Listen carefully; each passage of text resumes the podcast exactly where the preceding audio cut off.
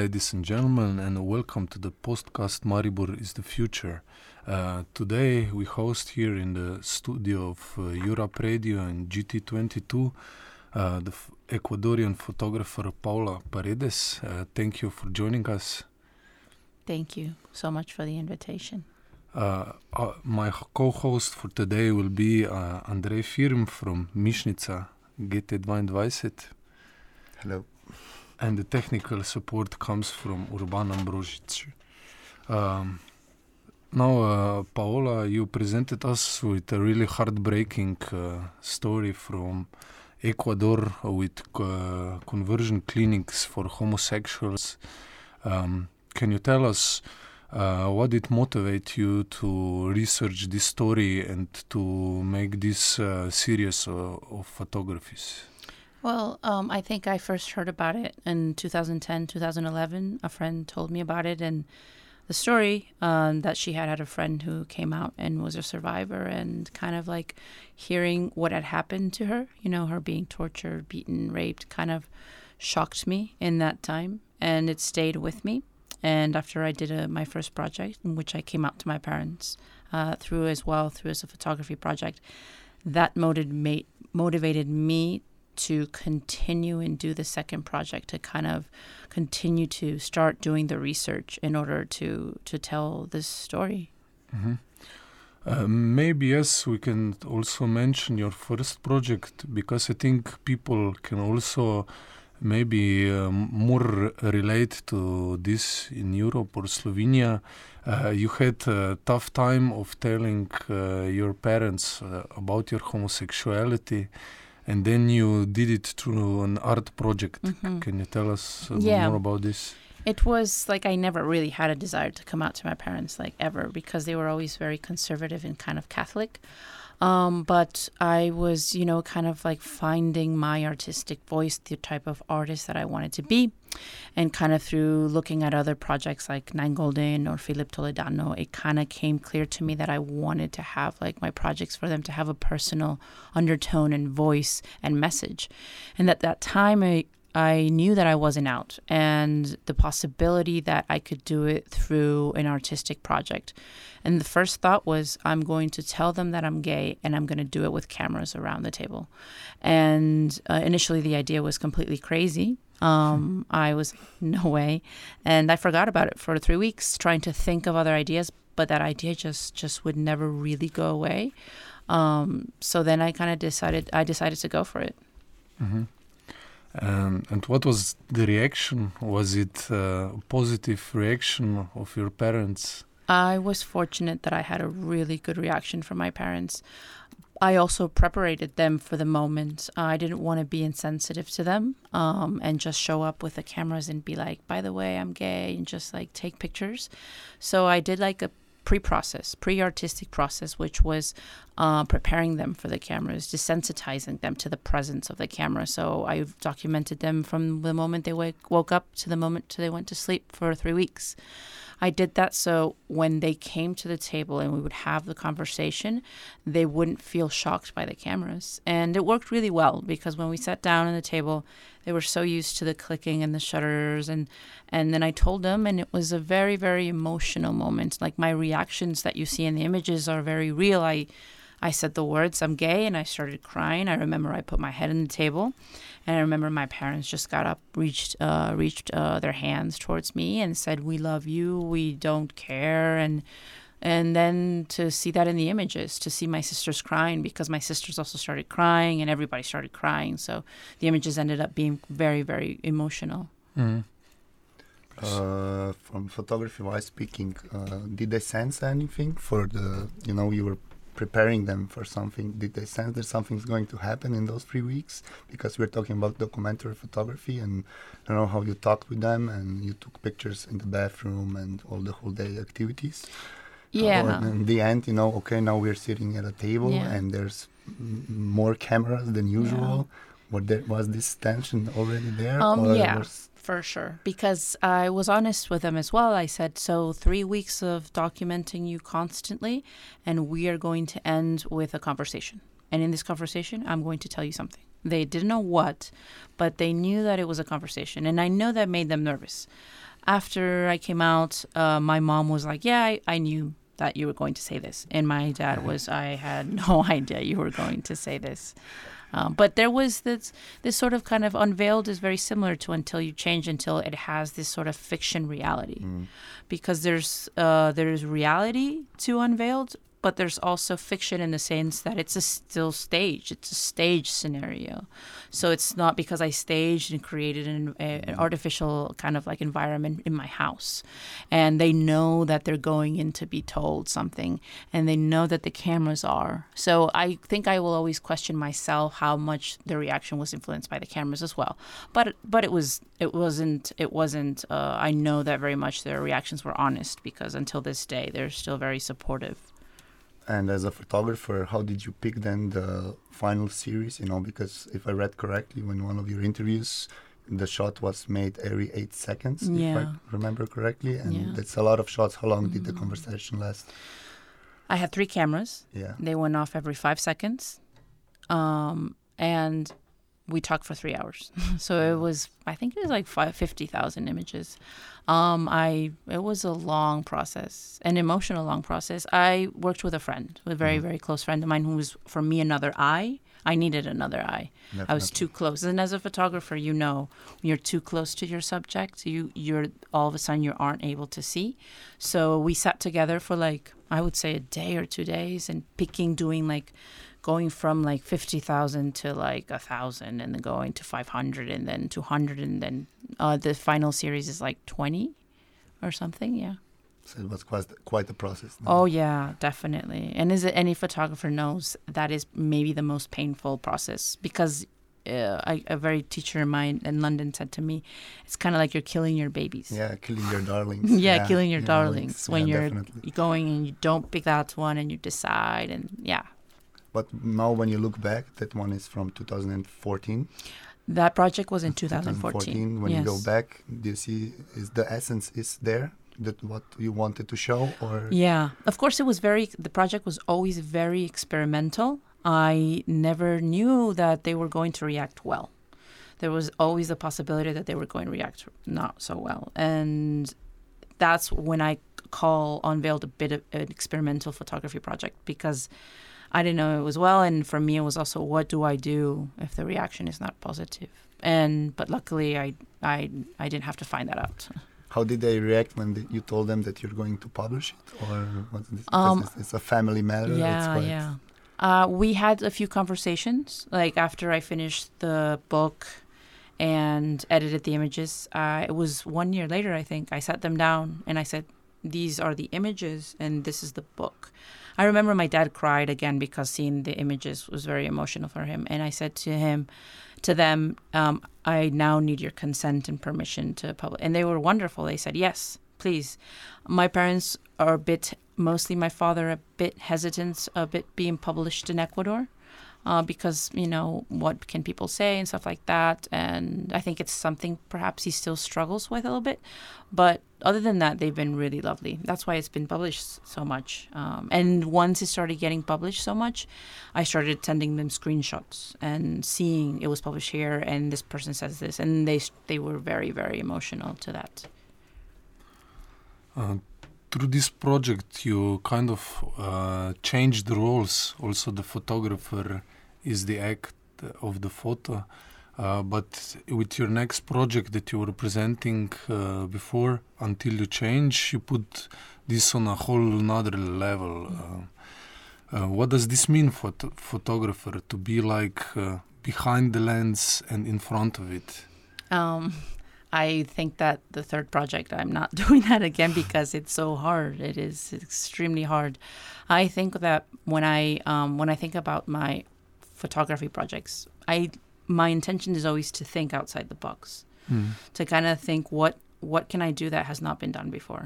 Um, so I think that unveiled was the idea of documenting something very very personal as something that hasn't been done before, and until you change was telling this story, but staging it and using myself. And since I had unveiled where I used myself, I could kind of continue as a sort of kind of like a like a second chapter of unveiled. um, hard. I because you because you have to be in the scene and then at the same time kind of be outside the scene. So for me and me being um, a complete control freak when I'm you know directing or taking pictures, um, I have to trust other people as well to shoot the scene or compose the image and then be in front of the camera. So that's why I say I'm really looking forward to my next project where I'm not going to do that anymore and for the first time be able to be behind the camera and that's it. Uh, maybe we explain a little bit to the listeners your uh, method. You went through the process of the victims of these conversion clinics, like to to put yourself in the uh, physical and emotional state uh, of how they felt. Uh, so you also had to use acting methods, also psychological research. Um, but uh, maybe you explain how how did this process evolve? Yeah, well, it was very apparent to me that I couldn't use the survivors as the characters of the images because I didn't want to put them through that situation of revictimizing revictimizing them, of them having to kind of experience trauma again, or ha- of them having to uh, remember what they went through because that just makes them kind of fall into victims and so that's why I decided to stage the images and use myself. And very very early on when I was di- when I did the first studio uh, test, um, I I just looked at the images, and they were fake because in those tests, I was like, okay, can you pretend that you kick me? And then my friend would pretend, and I would be pretending that I'm scared. And when I saw the images, it was like, this is no good because this is such an important story that I can't afford to be fake because I want to uh, to shock people. I want people to know the reality that is when I decided to go through an acting preparation. And for two months, uh, researched a lot of theater techniques. I had a kind of theater background, so it wasn't so so far off for me. And I kind of uh, worked on this method of like kind of sensor uh, uh sensations of like smell and touch and music to connect triggers of past life emotions. So, for example, I would sit down with music and and do these exercises of connecting to a time in my life where I where I didn't like being gay or wasn't out and and then I kind of I I realized that um, I had opened a portal of like this is how um, I'm going to create the images with a bit of, of truth with truth, and then I casted actresses and I casted a theater director and we worked on all the images being as authentic as possible. Mm-hmm. And after this uh, process, how did you experience uh, what the victims felt? Was the experience uh, also more shocking for you? Was it also more deep? Uh? yeah. I think after the project, I went a little bit crazy for at least three months um, because I wasn't really being responsible in certain ways of taking care of myself. I did do some methods with the theater director. Every time we would do a violent scene, he would have this exercise where he would be like, "Okay, you're Jose, which is the other actor. You're not in the clinic. You're not, you're not the therapist. You're, you're not sadistic, or you're Paola. You're not inside the clinic. Look where you are." Kind of like the theater exercises to leave the character, and I think that was really essential because after doing scenes like that and kind of like going back to real life and it does it did really much affect me for a few months. I i did was struggling a bit with with separating. Also because a lot of um, what i did do a lot is draw from my own life to portray this character. So alejandro the theater director uh, would sit me down and ask me questions of when i was 19 and go really in detail and say you wanted to do this and you why and then he would get me into a really dark place and then go into the scene. And then i was able to go into the scene. But when you're opening up those doors and stuff like that so yeah it was definitely kind of hard later to kind of close them.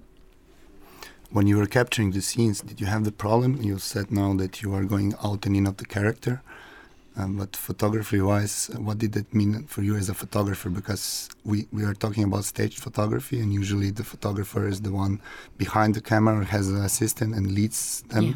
And now you're in the shot yeah. and in the character. Yeah. and you totally have to Mhm. intensify that moment, Mhm. but in the same time you have to think about what is coming out Yeah. in the picture. How did you address that problem? That for me it's unbelievable that actually Yeah. you can manage, you know, being Mhm. the character. Mm. So you we believe what's happening, Yeah. and at the same time you knowing what the shot should look like. Yeah, that's actually a very good question because it was very, it's real and it was very hard. For example, I was in the scene and Jose would be kicking me and I would be in the character, but at the same time I'd be like, F stop 16. Did I F stop 11? No. So it was two things. And the scene would be over and Alejandro would, you know, kind of calm me down, but at the same time I'd be like, okay, okay, I'm fine. I need to go check the shot. I was obsessed as well as, as with the shot, with the lighting, um, with the values, because I was also working with a very old film camera. And like I said, as I was doing the scene, I had f stop 16, f stop 8, and which one. And so it was a div- division between being inside the character and then also being very concerned with the shots, because the shots were, before I went into the scene, they would be composed and lit by me. Um, and also kind of I would trust completely my my second shooter, but also making sure she understood what I was looking for. So we would cut the scene, and I'd be like, "Anama, did you understand that this? Did you shoot this? This?" And I'm also very kind of perfectionist, so sometimes she would be like, "Yes, yes, yes, yes. Don't worry." Yeah, but it's really hard sometimes to trust uh, because it's your vision, and you've been in months obsessed with obsessing with the project and stuff like that How long did the shooting last? All the images which are like 25 like two months and a half Two months of, a half. of intense everyday shooting But you picked up with the tempo, I suppose, because at the beginning you were kind of finding the right moments, I suppose, yeah what to shoot, and Yeah. this, you switching from character to from Yeah. photographer to the character. yeah and- yeah it was it was all of that it was also kind of the location scouting and all the things it took two months and a half but it was Mhm. of intense work of every every day going to locations and doing the scenes And this is also, I think, uh, not only a photographer's job, but uh, how did you come up with this? Uh, I don't know. It's even tough to say concept because it's reality, but it's like research-based uh, photography or even journalism, uh, Mhm. like researching uh, a story and then trying to tell it through pho- photographies. Um, well, first, I like I said, I, I knew that I wasn't able to go into the places and document uh, right there the reality because they wouldn't let me. Uh, so I had to kind of uh, do staged. Um, but my inclination, my artistic inclinations have very much an interest of staged photography. So I was kind of like wanting from the beginning to have it staged. Um, so I think that's where the idea was um, to do it staged. Mhm, Mhm. mhm. Uh, but before this, you also had to do a lot of research preparations. Uh, where did you get the materials to build the story? Well, the part of the research was definitely the interviews with with my survivor Anna, um, six months, and I wanted to be thorough with the interviews. I wanted to know everything. I wanted to know colors of the walls, pajamas, colors of the uni- of the uniforms, colors of the bathrooms, emotions, and it was really interesting because with Anna we were able to have that really in depth. So that was, I would say, sixty percent of my research. But then there was other aspects of research visual research. For me, I my inspiration, even with Unveiled, is movies. Movies help me kind of understand where to put the camera. How do I represent a room of people who are kind of enclosed in an area? How do I represent violence? How do I light the scene? Um, so I'm very um, always inclined to kind of do a lot of film research, and also it was it was a reading a lot of reading about trauma. I was I wanted to be very sensitive towards Anna uh, and learning how to deal with a person who's been through a lot of trauma, how to be there for her, as far as not overstepping my boundaries as a journalist. And I think that I I tried to do my best for that to happen to to be friends more than anything else. Mhm, mhm. Uh, and how did you f- uh, finance maybe the research, the project? Because it's also a long-term process. It, uh, it took you two years. Two years. auto financed, unfortunately. Um, I had had a loan at that time to study, so the money was part of the loan. hmm Did you use all the information? We were talking about colors, about colors of pajama, and when you staged it, did you think about everything when, or or did you had some, let's say, artistic freelance? Your own creativity was also There part was- of it. there was a lot of artistic freedom because um, I was not able to. I didn't have the money to completely reconstruct a, a real place. That's what I would have wanted to Rec- reconstruct an exact, but no money. So for me, it was more like reconstructing the essence of what she was telling, the horror. But certain things, yes, to the letter. Like the uniforms are, are similar that I created. The scenes where, for example, I'm putting up makeup, I made sure I put the makeup just like she described it.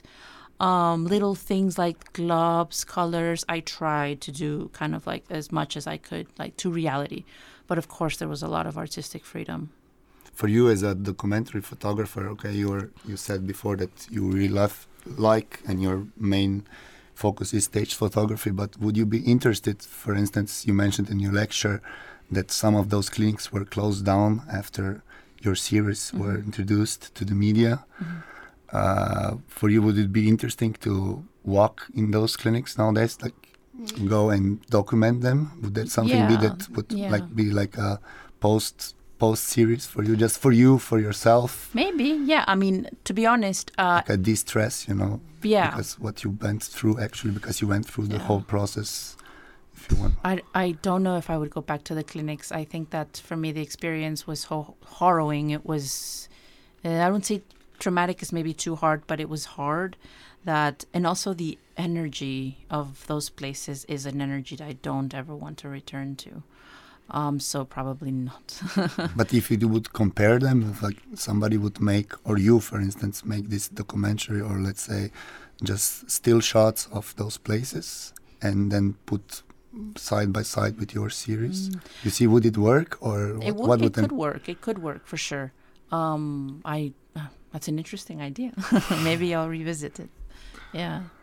So, what were the results of uh, of the project? Uh, we, you mentioned that the clinics uh, are b- basically illegal by the constitution of Mhm. Ecuador. Did the authorities do something? The public? No, the authorities, in my belief, are never going to do anything because um, it's not in their interest. It's not in their priority.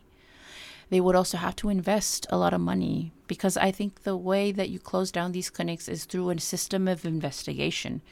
Because if they do it the normal way, which is regulating them um, every five months, they always get away uh, through inspections. They are very smart, they know how to. So I always had the idea that if the government would invest in a unit where you would investigate the clinics, do things like I did, enter the clinics, false names, get them to admit they have these practices, then you have something to hold them accountable for. And that's how you can really start kind of closing down the clinics. But that is not going to happen. I think that there are systems in place that have started, and activist organizations are doing things that are helping the survivors. Um, but closing down the clinics, I think it's very, very difficult because it would also have to, we would have to address other issues because it's not only uh, LGBTI people there. They're alcoholics and drug addicts, and they're not going to close down uh, those clinics because those are what they really are. We would also have to address um, that people who are in fact drug and alcohol addicts are also being treated this way, not just homosexuals. They're also being beaten, they're also being starved. And it's something that the government just wants to brush under the rug. And because they have been asked, uh, we have had activist organizations go to the president and say, when are you going to address this issue? And they just don't, they're not going to do anything. W- were you sad when nothing happened? Uh, was your goal also to make a change in this? I I think my I, initially my goal was very idealized in the sense of wanting to close down all of the clinics, but as I started my research and then two years of talking to so many people, activist organizations, victim survivors, documentaries entering the clinics and getting to really see the problem with my eyes, I was realistic in saying, no, I'm not going to close down all the clinics. But I'm very happy with what the project has accomplished, um, which is just starting the dialogue in Ecuador about these centers. I think that's really important. Creating new alliances, international alliances, talking to activist groups, having the Ministry of Defense, which is the governmental entity that is in charge of regulating them, having them kind of been want to talk to me and activists and being like, okay, what can we do? So I have seen that, like mm-hmm. organizations being like, okay, what can we do? Because I think they also certain organizations think that it makes them also very look bad that they're not doing anything. And also what ended up happening with my project it once started getting published, they told me that in the Ministry of Health they started getting phone calls. Why aren't you doing anything? Why aren't you doing so? They felt societal pressure. So that's when I think art is so important. And uh, after this publishing and everything, did you get a contact or somebody else or get to know or through your research that somebody else started something similar, maybe. Like another project, project? yeah, project which would yeah, be like movie wise, yeah. documentary, or Actually, even photography. yes. Um, I have a friend who works at this university, which is a film university, and she says that she there's like four graduated students, three that are doing actually a project about the clinics. So I can't say it's because of my project, but whether or not, I think that yes, things are being addressed uh, more. Yes, mm-hmm. and that's what's so important about art is that you know starts the discourse. You also mentioned talking. in the lecture that people were contacting you from Poland and oh, China. Yeah, yeah, I've had many people contact me and say this happens here, and it's not been addressed. Thank you for telling this story. This happens here. I know, in fact, that in China and Mexico, those are two countries that are in the states, certain that I'm sure that there's conversion therapy. So the role of art in this way maybe is in changing the mentality in both ways, like also educating people who don't know about this and motivating the victims yeah. to speak up what is going on. Yeah, I think art is tremendously powerful in that regards of sensibilizing people, educating and creating awareness. I think that there's been many artists or who have who have kind of done similar projects or sometimes even guerrilla advertising, for example, who has like a social kind of uh, um, focus can can do very impactful projects. Uh, so I do ha- completely believe that it has the power to to move things around. Mm-hmm. Okay, I think this is a great uh, ending for this uh, interesting conversation. So thank you, Paola, for being here with us. Thank you so much for the invitation. Thank you also to Andrei and Urban. Thank you. And uh, thank thank you for listening. And uh, you're welcome further to Maribor is the future